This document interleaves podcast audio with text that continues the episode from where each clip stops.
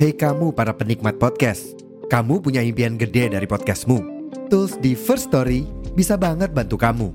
Mulai dari F-Link, Dynamic Audio Insertion, sampai statistik yang komprehensif, semua ada di First Story. Gak ketinggalan, kamu bisa monetisasi podcastmu lewat iklan dari First Story Ads yang bisa kasih kamu penghasilan dari setiap place podcastmu. Yuk gabung sekarang dengan klik di firststory.me. Sekali lagi, di firststory.me. Mari kita bawa mimpi podcastingmu menjadi kenyataan. Apa yang paling kalian ingat kalau mendengar kata jarum? Mungkin sebagian dari kalian akan mengingat eh, tentang jahit atau tentang medis atau tentang sebat atau tentang bulu tangkis. Nah, yang akan kami bahas di sini adalah tentang jarum yang menusuk ke daerah Lombardi di Italia untuk membangun sebuah klub sepak bola yang bernama Como.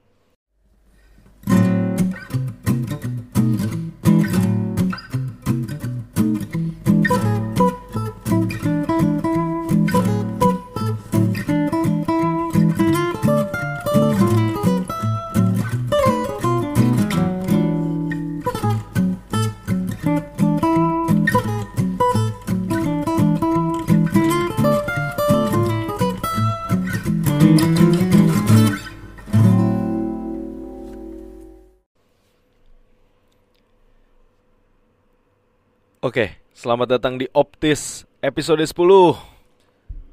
Masih bersama kami duo korporat yang kali ini akan membahas tentang bagaimana PT Jarum itu sudah sukses membangun bulu tangkis di negara kita tercinta Indonesia Sudah- dan sudah mulai bosan kayaknya ya. dan sudah mulai bosan ya. Karena sudah cukup mendominasi. udah cukup kan. mendominasi, selalu melahirkan juara dunia gitu. Jadi sepertinya Bapak Rudi dan Bapak Bu- Michael Bambang Michael Bambang. ini tertarik untuk mencoba tantangan baru ini. Ya Benar betul. kan ya Rudi, Pak Rudi sama Pak Bambang. Oh. Robert kok Rudi? Ya, nggak tahu, Robert, siapa Rudi Robert Harto? Hartono sama Ya intinya Tra Hartono family Oh lah salah ya. Pak, bener Pak. Michael Bambang Hartono sama ini Pak. Robert Budi Hartono. Robert salah. Ya udahlah Bud ya Hartono family lah. Hartono family pokoknya. Hartono family Dari Jadi, Kudus, dari, dari Kudus. dari Kudus. Orang desa ya, Orang desa orang desa yang mendunia ya. yang mendunia, Jadi yang menjajah desa lain, menjajah tapi di desa Italia lain, sana. Di Italia. Inilah Como ya, Iya, suatu kota kecil di Itali di daerah Lombardi. daerah Lombardi. Daerah Lombardi, daerah sebenarnya daerah pinggiran juga, daerah pinggir Betul. cukup remote area kalau dibilang dari daerah Itali. Sebuah cerita menarik di tahun 2017 kan ketika Como itu bangkrut seperti tim-tim Italia pada umumnya. Betul. Eh, ya banyak klub-klub yang mengalami masalah finansial. Lalu yang menarik adalah tiba-tiba Jarum Group datang dengan salah satu bukan bukan salah satu mungkin saya bisa bisa bilang atau gue bisa bilang Jarum Group ini satu-satunya eh, owner dengan dengan kekayaan paling besar di Italia. Total kekayaannya kalau hitungan dolar itu 40 miliar dolar. 40 miliar dolar. Jadi gapnya sama yang posisi dua itu hampir beda 3 30 miliaran dolar something gitu. Jadi dan itu Silvio Berlusconi. Ya. Bapak Reja pasti tahu kan Iya. dengan historinya di Milan gitu. Nggak, nggak asing sih namanya. Iya, even pakai duit korupsi aja duitnya masih kalah sama duit pengusaha ya. Jadi memang Makanya. usaha harusnya usaha ya, jangan korupsi ya. Memang Allah mengatakan 8 dari 10 pintu rezeki itu datangnya dari berdagang, Pak. Bukan duanya korupsi. Dua. Ya, Kita skip dulu. Kita skip dulu. Oke, 2017 Aduh. mengambil Como dengan dengan salah satu ya satu-satunya owner terkaya di Italia yang membuat harapan di kota kecil ini. Jadi kalau teman-teman bisa search lah di Google lihat kotanya Como seperti apa. Cukup menarik memang kalau ngelihat eh, geografisnya Como mungkin itu salah satu eh, agenda kenapa Jarum mau investasi di sana. Gua sih cukup bisa melihat bahwa sebenarnya penglihatannya Jarum itu dari sisi areanya juga mungkin masih murah ya. Secara Benar, resources benar, masih murah, resources. harga klubnya juga nggak mahal dan itu memang tipikalnya Jarum kan.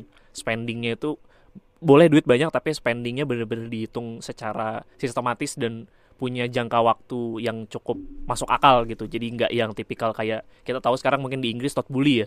Iya, Todd Bully dengan dengan Chelsea-nya. dengan Chelsea-nya yang menggebu-gebu gitu membeli pemain Iya, jor-joran di awal musim atau Roman Abramovich atau eh, klub-klub mungkin yang Qatar dan lain-lain lah ya.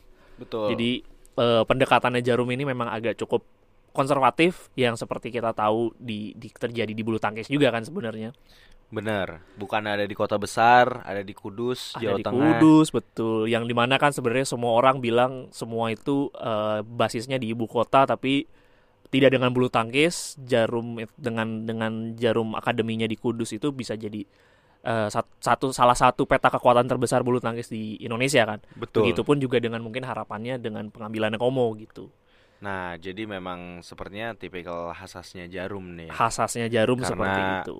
Mereka adanya bukan di kota besar, bukan di kota utama. Bukan kota di utama. Lo- lomba daerah Lombardi itu tuh capital Sebenarnya masih dekat sama Milan lah ya. itu Milan. Masih Milan. dekat sama Milan lah ya. Iya, tapi ya sebenarnya nggak nggak daerah daerah North Northern Italia yang ibu Iya. kotanya Milan itu tuh lumayan besar, Pak. Iya, Ada iya. Lombardi, Hmm. Eh, apa Atlanta, Bergamo. Bergamo gitu. betul. Tapi kalau dilihat eh, apa namanya, kalau lo bisa teman-teman bisa searching sebenarnya kota Como itu mirip sama kayak Napoli, porting gitu. Jadi Ya, even adanya di, pelabuhan. bi- i- gua agak jadi dia kayak bentuknya kayak danau gitu, tapi Ngerti memang bentar. Kalau kota pelabuhan tuh kayak orang pasti kayak Merseyside, kayak ya Southampton. ya gitu Naples lah. Naples bener-bener eh, Iya. kota-kota apa namanya pesisir, pesisir pantai, pesisir, tapi pesisir sih, Como daerah itu pesisir. mungkin apa ya? Gue ngomongnya parit lagi gimana ya? Jadi mungkin kayak sungai gitu ya. sungai. Eh, dan Waduk. memang ya waduk lah ya dan dia memang adanya di di pinggir eh, di pinggir area perairan gitu jadi mungkin kalau lu bisa searching di di Google juga stadionnya Como itu bener-bener berada di pinggir perairan juga dan itu menurut gue jadi salah satu nilai jual eh, secara apa ya kita ngomongnya secara bukan waduk, danau. danau ya danau, ya. Kayak danau Toba gitu lah Iya, bentukannya, iya. tapi memang agak memanjang Oh, ya. agak manjang. mungkin dia kalau agak kalau kalau ngelihat stadionnya itu memang daya jualnya daya jual estetis banget sih. Iya benar. gitu bener-bener lu nonton di stadion lu selain nonton bola lu bisa lihat pemandangan juga gitu. Karena kan di Itali eh, mainnya nggak malam bu- dengan alasan iklan gitu maksudnya sponsor. Jadi kalau di Itali tuh mainnya memang di jadwal-jadwal yang memang masuk akal lah siang Sore-sore, sore gitu. jadi ya. dapat feelnya gitu. Ambience juga dapat.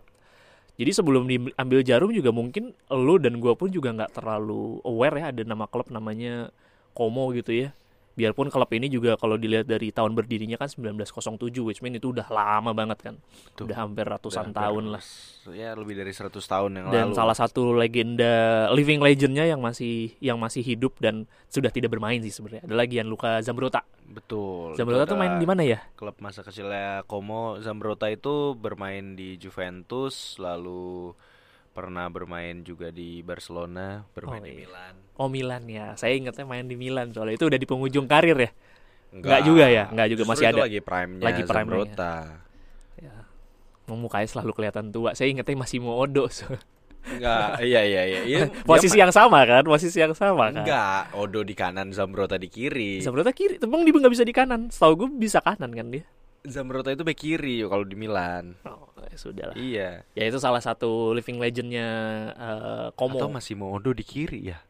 kita nggak usah bahas masih. Modo ya Iya iya. Kalau Masih Modo saya juga nggak tahu masih Lupa Odo main di saya. Como atau enggak tapi pada pada intinya memang eh, Zambrotta itu jadi salah satu eh, living legendnya di sana Ya mungkin kita semua eh familiar lah kalau mendengar nama Zambrotta karena Pasti. memang masih masih beririsan sama ya yang kehidupan kita lah ya. Hmm, kehidupan iya betul betul masa betul. muda ya yang mungkin yang kelahiran anak-anak 90 gitu. 90-an ya. masih masih 90-an cukup masih- bisa mendengar nama masih, masih lah ya. Gianluca Zambrotta lah. Terus eh, balik lagi ke Como di musim ini eh, masih bertengger di papan tengah Serie B kebetulan. Jadi ini udah musim keduanya Como di Serie B. Which means sebenarnya mungkin kalau fans-fansnya Como lah ya atau gue juga sempat searching ada ada fans klubnya Como juga melihat dari antusiasmenya warga Indonesia juga eh, sekarang berada di papan tengah ini musim keduanya memang kalau ngelihat dari roadmap yang di planningkan oleh Jarum memang harapannya Serie A itu mereka bisa tembus di 2025 which mean sebenarnya ini kan hal yang menarik ya bahwa biasanya tim tim lain berharap ngambil klub back to back langsung Serie A baru habis itu uh, nge-strength timnya di di di Di- Serie di A Serie A, gitu. Tapi betul. ini pendekatannya agak sedikit konservatif. Dia main uh, bertahan di Serie B untuk ngembangin uh, tim dan arsitektur at- sorry dan dan infrastruktur timnya. Baru habis itu mereka baru melangkah planning untuk 2025 sebisa mungkin datang ke A. Iya, memang jangka menengah menuju panjang ya Iya, cara lebih- cara iya, caranya Jarum Iya, ini. hmm. Jadi kalau gue lihat memang eh Jarum dengan kebijakannya mungkin ini entahlah di balik layar gitu ya. Mm, Rang ya maksudnya bagaimana perjanjian dengan eh supporter, gimana perjanjian dengan pemerintah kota setempat betul, gitu, betul, gimana betul. dengan menyamakan dengan kulturnya gitu. Jadi Betul. gua rasa nggak nggak yang buru-buru untuk Betul, langsung beli betul. pemain bintang atau bagaimanapun. betul. Karena memang pada dasarnya eh, membangun itu tuh akan lebih memang lebih lama, lebih sulit tapi lebih sustainable. lebih sustainable gua. betul karena Iya. fondasinya jelas kan ketika lo Benar. buru-buru ngebuat sesuatu yang yang dikebut semalam Mm-mm. oke jadi tapi apakah dia sustain dan bertahan lama Iya itu nggak akan gua rasa karena Iya. juga gini loh. Kalau teman-teman lihat juga eh, gimana kota Como, gimana infrastrukturnya Como, it's not a world class infrastructure at all. even even stadium mungkin kalau kalian semua bisa searching ya stadion stadion memang kelas menengah ke bawah gitu Iya, it's beautiful, Iya. but it's not really proper for let's say Champions League Iya, match betul betul or a Serie A match deh gitu. Iya betul Mu- Memang belum siap, iya. belum siap gitu mungkin menurut kita gua ngomong untuk iya untuk nampung katakanlah 40 ribu orang tuh masih belum. Kalau nggak Iya. salah stadionnya cuma 15 ribu iya apa? belasan ribu lah. Belasan ribu yang doang pasti gitu. masih belasan Ah, ribu masih dan ribu. juga masih belum belum ada planning untuk mempugar stadionnya dan kita sama-sama tahu eh, Italia itu kan untuk kita ngomongin stadion itu masih masih sangat bergantung sama pemerintah Sama kan. pemerintah kota. betul. jadi jadi mereka nggak mungkin bikin sendiri Pemprov gitu. masih sama Pemprov. Iya betul Kayak masih APBD, sama pakai Pemprov. APBD. Ya kita tahu lah di Italia juga hampir mirip-mirip kan ya sama Indonesia gitu untuk masalah infrastruktur dan dan lain-lain lah ya pokoknya yang bersifat di luar eksternal klub lah. Iya, iya, iya. Nah, jadi kayak gitu sih. Jadi menurut gue juga kebijakan Jarum ini eh gimana ya kalau dibilang tepat bukan tepat juga tapi, Hmm. tapi lebih ke mengetahui apa Apa strengthnya apa mereka? strengthnya mereka dan apa yang apa, apa targetnya realistis gitu apa yang mau mereka kasih mm-mm. Dan karena nggak mungkin iya. lu bisa nge-hire world class world world class player biarpun ada ah, walaupun ada ya walaupun ada ya tapi maksud gua dan ada di Como juga tapi ah, memang sudah tapi di akhir di akhir di- era juga di sih. akhir era bukan di prime-nya dia Iya. karena kan memang maksudnya ya gimana lu ngebayangin lu harus pindah sama keluarga lu ke sana Hmm, hmm. habis itu juga ya maksudnya eh, training groundnya juga nggak Iya. yang eh, mantep jadi juga Iya. ya nggak mungkin mereka bisa senyaman itu gitu untuk bisa Iya. melatih dirinya untuk lebih kompetitif nah gitu sih nah terus Iya, iya. itulah itulah sedikit dari eh, infrastrukturnya Como kotanya sendiri juga bukan kota besar Bukan kota besar, jadi kota memang kecil. jadi memang ya perlu dibangun gitu jadi memang Betul, betul, langkah betul. jarum itu tuh memang menurut gua tepat untuk menggayat eh, lokal lokal lokal per people gitu di Iya, sana iya, iya. untuk lebih ngebangun kulturnya dulu Iya. ngebangun eh, perlahan-lahan gitu Iya, iya. ngan- ngenalin Como ke dunia gitu awareness atau at least ke Indonesia lah gitu Iya, gimana iya. cara Dan memang kan itu pasarin. uh, planning salah satu planningnya dari Jarum Group juga. Jadi memang harapannya uh, di beberapa tahun ke depan itu mereka pengen bikin build the merchandise atau uh, franchise untuk Como sendiri datang ke pusat-pusat kota di Italia juga. Salah satunya mereka pengen bikin apa namanya uh, merchandise store juga di di Milan, di Roma. Benar. Jadi supaya even di Italinya juga kebangun uh, apa namanya awareness bahwa awareness ada klub sepak bola namanya Namanya uh, Como, Como. gitu loh. Benar. Biarpun biarpun selain ada kota eh, selain kotanya juga. Jadi Ah. memang ini cukup apa namanya ya eh, dibilang simbiosis mutualisme juga hampir bisa dibilang seperti itu karena bi- even nanti kotanya juga berkembang, klubnya juga ikut berkembang gitu. Iya, Jadi tourism juga berkembang gitu. Bener dan maksudnya secara uang ya pelan-pelan in- in- inve- investasinya itu juga berbalik. gitu. Berbalik betul betul. Dan kalau dihitung ya dari tahun 2017 yang yang gua baca eh, spending yang dikeluarkan sama Como sendiri sebenarnya hitungannya eh, sama Jarum Group sendiri itu hitungannya relatif. Kalau lo bandingin sama klub-klub lain lah ya, Ya, ya kan ini kita berbandingannya karena dari kekayaan ya kita bandinginnya sama klub-klub Serie A. Spendingnya Iya, baru iya. 12 juta euro dari tahun 2017 sampai 2000 sekarang 2023 ya. Gua nggak tahu di ini eh, berita tahun 2022 akhir, which mean mungkin dengan dengan 2023 mungkin pertambahan adalah ya. Cuman Iya. signi- tidak signifikan sama sekali gitu untuk untuk sebuah eh, perusahaan besar, konsorsium, perusahaan gede gede banget untuk spending ya nominalnya relatif kecil gitu loh untuk sebuah klub. Tapi balik lagi ngelihat dari prestasinya sebenarnya eh, harapannya Como itu untuk naik di Serie B itu harusnya musim ini. Tapi Ke ternyata Serie B atau ke ke Serie, Serie A? B, ke Serie B itu dia harusnya 2023 baru naik ke Serie B. Tapi Iya. surprisingly mereka musim lalu udah sampai di Serie A. Eh sorry Serie B. Serie B ya. Jadi jadi ini juga Ini planningnya melebihi- udah melebihi target. melebihi target one year ahead. Jadi gue juga gue cukup yakin bisa jadi nanti mereka naik di Serie A di one one year ahead gitu 2024 Iya, gitu. bisa jadi, bisa, Bisa jadi ngelihat juga dengan kalau kita lihat dari struktur pemainnya mungkin teman-teman bisa lihat udah ada Patrick eh, Patrick Cutrone, udah ada Alberto Cherry, ada Cesc Fabregas, biarpun juga mungkin Cesc Fabregas masih cukup struggle ya eh, nemuin nemuin eh, fitnessnya karena cukup lebih banyak main jadi pemain pengganti gitu. Tapi udah mulai kebentuk gitu secara secara apa namanya tim juga perlahan udah mulai dibentuk. Dari lini belakang sampai lini depan juga ya grade-nya betul kelas seri B tapi harapannya seri B-nya juga bukan seri B yang ecek-ecek gitu lah ya. Yang yang cukup yang cukup oke lah. Ada Mancuso juga ada di situ. Alfredo Gomis kipernya juga itu salah satu kiper yang cukup promising lah dulu zaman dia main di Pescara. Jadi banyak pemain-pemain yang sebenarnya udah eh, nama lama tapi kita tahu kualitasnya gitu. Biarpun bukan kualitas seri A yang jempolan tapi masa iya di seri B dia nggak bisa bersaing gitu. Benar, benar, benar. jadi ngelihat dari skuadnya juga cukup cukup dinamis, cukup oke juga diba- dipadu juga dengan eh, pemain existing juga kan, udah cukup banyak juga. Jadi ngelihat dari timnya juga cukup eh, solid gitu. Terus juga dari sisi manajerialnya, mungkin kita udah tahu lah ya, Garuda Select kan dengan Dennis Wise. Jadi eh, Ya. ini juga sama eh, yang handle juga Dennis Wise, which mean pola pikirnya juga lebih ke arahnya arah Inggris ya. Jadi pendekatannya agak memang agak eksperimental menurut gue untuk ngambil eh, GM bukan orang Italia justru. Lu ngambil Iya. klub Italia tapi bukan orang Italia yang lu ambil. Mungkin karena kedekatannya dengan dengan Jarum Group kali ya Dennis Wise makanya diambil.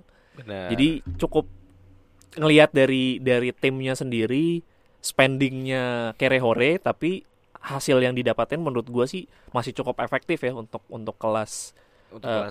klub iya, Yang- klub, klub, iya, klub iya. kecil gitu. yang kemarin Seri- habis eh, deg- apa namanya bangkrut, Bangkrut, terus ke seri ke D seri- terus ke habis seri itu C ya. seri Oh, D sempat di seri D juga eh, terus akhirnya bisa comeback sekarang ke seri B sih menurut gua what- Udah eh, prestasi itu. iya achievement Dan- sendiri sih Dan gak usah buru-buru untuk naik level atau apa ya nikmatin dulu aja di seri B. Iya, seri B betul. juga bukan maksudnya seri B juga bukan kolam yang cupu gitu loh. Itu Iya, iya. tetap tetap tetap kompetitif. Iya. Ya walaupun kalau lu bandingin sama divisi championship Inggris ya mungkin kalah. Iya betul Tapi ya bukan berarti eh, kasta kedua di eh, Italia itu jelek ya. Gimana Iya. ya? Ini, ini I- tim Eropa gitu ya loh. Ini, masih ini masih still satu still tim Eropa lah Iya tim Eropa bahkan dengan liga yang terbaik gitu ya. Waktu liga besar. Iya, gitu. even waktu itu zaman eh, gua agak lupa ya striker Persib yang dipinjemin ke Como yang striker dari Belanda, Convelius siapa ya?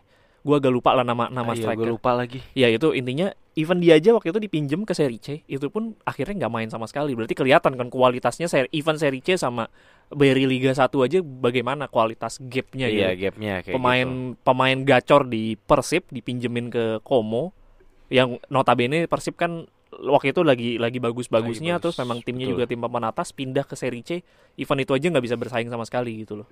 Ya, berarti Apa pun ta- alasannya, berarti kan berarti kelihatan kita memang tahu kelasnya gap gapnya even kita bilang seri BRI Liga 1 ada di mana. ada di mana ya sudah gitu ya kita berhenti di situ aja ya mungkin bisa jadi ada banyak faktor kan bisa jadi pemainnya nggak cocok sama strategi atau apa pun Benar-benar ya, sih, tapi benar. ya atau penyesuaian bahasa, Iya, iya. taktik itu kan Iya. nggak bisa. Maksud gua nggak fair juga sebenarnya kalau langsung oh ini berarti pemain Liga 1 nggak bisa main ya nggak Iya. juga. tapi kalau bahasa sih ada juga pemain Aljazair juga sih kemarin di Como tapi ya sudahlah kita kita case Ya, close aja kita ya. case tapi close aja. pada pada intinya memang ya bukan liga yang ecek-ecek lah ya. Untuk kita bisa bilang Como di seri B nggak bisa apa di di liga yang mudah gitu. Betul. terbukti sekarang masih struggling di musim kedua. Masih di seingat gue di terakhir ini masih posisi 14 which mean agak jauh menuju ke tangga perebutan promosi Jadi masih panjang sih perjalanannya. Ya gua rasa masih on target juga sih mereka. Jadi nggak perlu Masih masih masih bisa banyak yang perlu dievaluasi lah. Betul, Untuk- betul. Apalagi sekarang mungkin bisa belajar gitu di musim depan lo bisa bisa strength the team lagi Ya, gitu. dievaluasi oleh siapa? Karena menarik ya. Sebenarnya dengan kepemilikan orang Indonesia sepertinya ada nih. Iya, nah terus kearifan juga lokal yang nah, ada di sana ya kan? itu memang eh, ciri khasnya Jarum ya dari dari dulu kita kalau ngomongin Jarum Group selalu bukan cuma perusahaan aja main di develop tapi juga ada people. Ya gue cukup SDM yakin ya, lah SDM. SDM lah ya, gue cukup yakin karena kan company juga company rokok. Jadi dia sebisa mungkin ngasih CRM yang yang simbiosis mutualismenya terlihat gitu. Jadi secara image company lo nggak nggak buruk-buruk amat lah gitulah. Nah jadi eh, salah satu programnya itu untuk program pelatih. Selain Garuda Select juga sering ada ada teknik technical uh, training di Itali, Iya. ada juga masalah kepelatihan. Jadi mereka itu seingat gue dengan hire dua pelatih dari Indonesia. Jadi itu sebenarnya eh, sayembara aja. Jadi siapa pun sebenarnya bisa ikut.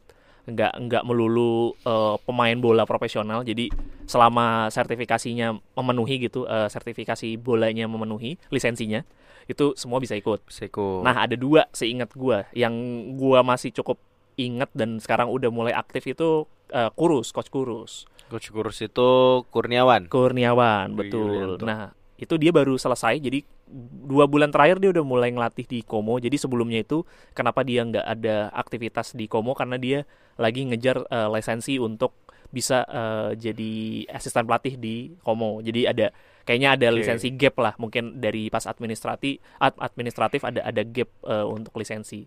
Satu lagi gua agak lupa. Dulu seingat gua eh persis atau ya kalau nggak salah. Gua gua agak lupa. Satu lagi gua agak lupa lah. Tapi kalau nggak salah kiper pelatih deh seingat gue jadi ada dua akhirnya yang diambil sama Komo gitu. Mungkin nanti teman-teman bisa bisa cari lah. Jadi itu itu salah satu programnya dia lah untuk pengembangan bukan cuma pengembangan pemain. Nah karena memang bad newsnya di seri B itu eh, nggak bisa ngambil pemain non eh, Uni Eropa jadi misalkan kayak negara kita kan non Uni Eropa ya di Indonesia jadi sadly kalau di seri B kita nggak bisa eh, masukin pemain Indonesia sama sekali gitu loh. Jadi dulu Iya, eh, iya, ada iya, ada iya. berita yang bilang Egi Maulana Fikri akan diambil sama Komon itu yang bikin berita goblok ya. Gak, Sih, nggak- semudah itu, Bro. Eh, Disangka negara-negara halu. gua gua gue cukup yakin yang bikin berita asal copy paste ya cukup goblok ya bahwa lu ya karena saya main FM ya jadi saya tahu ya saya mainin Komo juga jadi ada aturan memang pemain non Uni Eropa tuh selama lu nggak punya paspor Uni Eropa lu nggak bisa main lah. Gitu. Eh, sebenarnya kalau dibilang nggak bisa main nggak juga, tapi emang secara aturan nggak bisa main seri B. yang non oh seri B itu nggak bisa seri B main ya? nggak bisa. Seri A bisa tapi maksimum capnya Ada adalah dua. apa dua. dua ya? Dua non non EU itu ya? Non EU betul. Non non Uni Eropa itu per musim di seri A itu cuma bisa nerima dua. Itu makanya kenapa kita jarang ngambil pemain-pemain ya kayak Brazil eh sorry pemain seri A jarang ngambil pemain-pemain dari Brazil gitu. Lebih banyak kayak mungkin Eropanya Eropa Tengah kayak Georgia eh Celia gitu kan. Ada pemain-pemain yang atau pemain-pemain yang memang eh, paspor eh, paspornya Asia tapi dia sudah dapat kantong eh, apa namanya izin kerja non eh, kantong apa namanya izin kerja Uni Eropa Macam jadi itu Kim Min Jae Kim Min gitu. Jae betul atau misalkan kayak Lozano kan dia udah main di Belanda itu dia dapat uh, work permit gitu nah once lo Ya, dapat work permit ya, itu ya, itu ya. dia dianggap sebagai pemain Uni Eropa dan itu Ero- syarat Eropa. keduanya adalah bisa dua paspor Indonesia kan nggak bisa Iya. jadi iya. dia akan selalu dianggap sebagai pema- uh, pemain non Uni Eropa Dan gitu. Selain pemain non Uni Eropa juga nggak bisa main ya juga sekalipun itu bisa main, berarti persaingannya kan ya iya Lu ngomongin bener-bener- persa- mau ngomongin lu ngomong- persaingan udah lah lupakan lah tapi bener-bener lo ngomongin lo sama ngomongin Afrika, paperwork aja udah Amerika. lu ngomongin paperwork aja udah nggak bisa lu ngomongin persaingan lagi udah nggak masuk akal lah jadi yang bikin bikin berita itu tolonglah researchnya lebih dibenerin ya bapak kan kerjanya di media ya Kerjanya di masa ya nggak media, bisa di Karena nyari research duitnya dari situ masa iya sih. iya gitu ya nggak bisa research bikin bikin Egi, statement Egi. gitu. ujung-ujungnya di dewa ya maksudnya gitu Uff. jadi nggak nggak maksudnya Gak tajam maksudnya- ya. maksudnya komo komo seperti itulah Tapi Egi tuh menurut gue juga memang belum layak lah untuk dapat di tempat di Eropa gitu ya setelah melihat bagaimana cara dia bermain di timnas selama ini selama dipanggil gitu. Sorry to say gitu.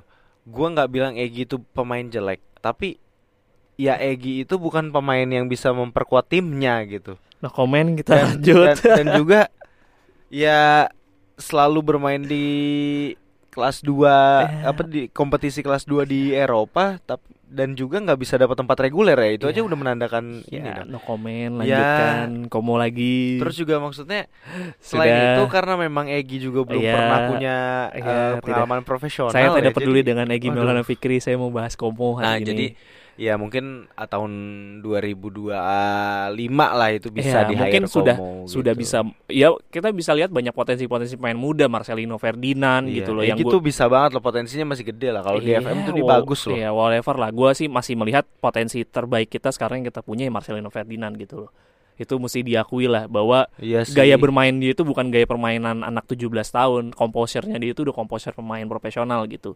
Itu yang dibu- salah satu yang dibutuhkan untuk lo bisa bertahan di tim-tim besar lah gitu. Iya dan maksud gua dia Even lo skill lo bisa- bagus kelok 9, kelok 25 kalau lo nggak punya komposer itu itu sulit Iya. sih. Lo tahan lo bisa menahan komposer itu di lapangan maupun di luar ya misalkan kayak ego lo sebagai pemain bintang atau pemain luar negeri itu kalau lu nggak bisa nahan itu ya itu balik lagi Betul, baik lagi lah. Komo berharap kalau misalkan naik ke 2025 naik ke Serie A gue sih berharap akan ada pemain Indonesia yang cukup kalau bisa bersaing dapat menit bermain reguler di Primavera U23 menurut gue itu udah jadi salah Iya. satu prestasi di musim pertama musim kedua nanti mungkin bisa jadi pemain lapis ketiga gitu memungkinkan untuk di Serie A kayak dulu mungkin programnya dengan Sampdoria ya ya, ya, sadly ya, ya. akhirnya Gua lupa nggak ada nggak ada apa. pemain yang nggak nggak ada pemain yang berhasil menembus skuad utama ya. Terutama, walaupun Kurnia Sandi waktu itu sempat udah, masuk udah masuk udah pengen masuk, masuk. cadangan udah mau masuk tapi ya masalah paperwork lagi iya iya Karena itu padahal itu, dia harusnya dapat caps pertama ya. Iya, waktu itu